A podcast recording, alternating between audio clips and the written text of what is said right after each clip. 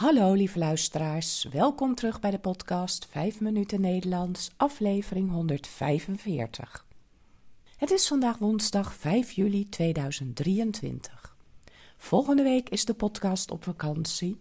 Vanaf 23 augustus zijn we er weer. Als je de tekst van de podcast wilt lezen, kijk dan op de website petjeaf.com slash 5 minuten Nederlands. Als je de teksten van eerdere podcast wilt ontvangen of vragen hebt, stuur dan een e-mail naar 5minutennl.gmail.com.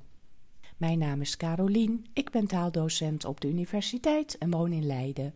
In deze podcast vertel ik iets over mijn leven, over wat ik de afgelopen dagen heb beleefd of iets over de Nederlandse taal en cultuur. Aflevering 145 Gebarentaal wat een storm vandaag. De treinen rijden niet, vluchten op Schiphol zijn geannuleerd en op de weg staan lange files. Ik ben blij dat ik thuis met een kopje thee de podcast kan voorbereiden. Ik ben erg verkouden, dus excuses als mijn stem wat anders klinkt vandaag. Vorige week hadden we onze jaarlijkse bijeenkomst voor docenten. De directeur van het talencentrum houdt dan een presentatie over de ontwikkelingen bij het talencentrum en er wordt altijd een docent uitgenodigd om iets over zijn of haar taal te vertellen. Zo hadden we vorig jaar een lesje Koreaans. En dit keer was een collega Nederlandse gebarentaal aan de beurt. En dat was reuze interessant. Ik heb heel veel nieuwe dingen geleerd en ook een paar woorden in gebarentaal. De docent is een native speaker. Dat wil zeggen dat gebarentaal haar moedertaal is. Ze had een gebarentolk meegenomen om bepaalde dingen voor haar te vertalen. En we hebben heel veel geleerd. Zo zijn er in Nederland 1,7 miljoen mensen met een auditieve beperking, waarvan ongeveer 14.000 dove gebarentaligen. De groep gebarentaligen is nog groter, want er zijn ook familieleden, vrienden, tolken, collega's die gebarentaal beheersen. Ik dacht altijd dat gebarentaal een internationale taal was, maar nee dus.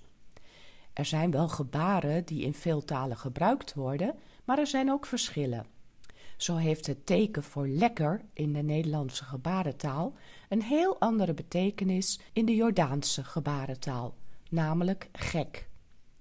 En het woord moeilijk is in Nederlandse gebarentaal een heel ander teken dan in de Franse gebarentaal. Niet makkelijk dus. In totaal zijn er ongeveer 300 gebarentalen over de hele wereld. Dove mensen hebben niet alleen hun eigen taal, gebarentaal, maar ook hun eigen cultuur, poëzie, muziek en eigen humor en soms kunnen ze hierdoor heel anders reageren. Voor horende mensen komt dat soms onlogisch over.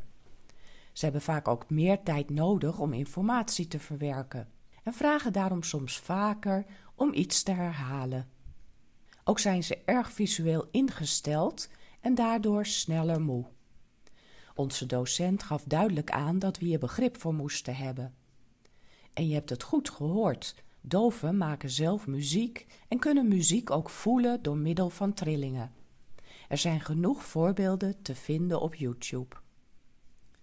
Mijn collega gaf ook aan hoe we het beste met doven kunnen communiceren. Oogcontact is uiteraard heel belangrijk. Als je aandacht wilt vragen, kun je iemand voorzichtig aantikken op de schouder en liever niet op de handen, rug of het hoofd. Roepen helpt uiteraard niet als iemand doof is. Je moet ook rustig en geduldig praten. En bij moeilijke woorden is het handig om iets op te schrijven of een digitale notitie te maken. Tot slot hebben we ook nog wat gebaren geleerd. De docent vertelde, met behulp van haar tolk, dat ze het online onderwijs in coronatijd heel moeilijk had gevonden.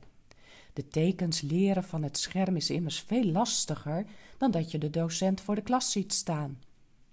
Al met al vond ik het een heel bijzondere ervaring. En weet je wat zo opvallend was tijdens deze les? Het was muisstil in de klas. Een mooie afsluiting van het semester. Dit was het weer voor vandaag en meteen ook de laatste podcast voor de vakantie. Veel dank voor het luisteren. De podcast is voor iedereen gratis. Maar als je de podcast wilt steunen, bijvoorbeeld met een kopje koffie, dan kan dat via de website petjeaf.com. Ik wens jullie een heel fijne zomer en graag tot ziens op woensdag 23 augustus. Want dan is de podcast er weer. Dag!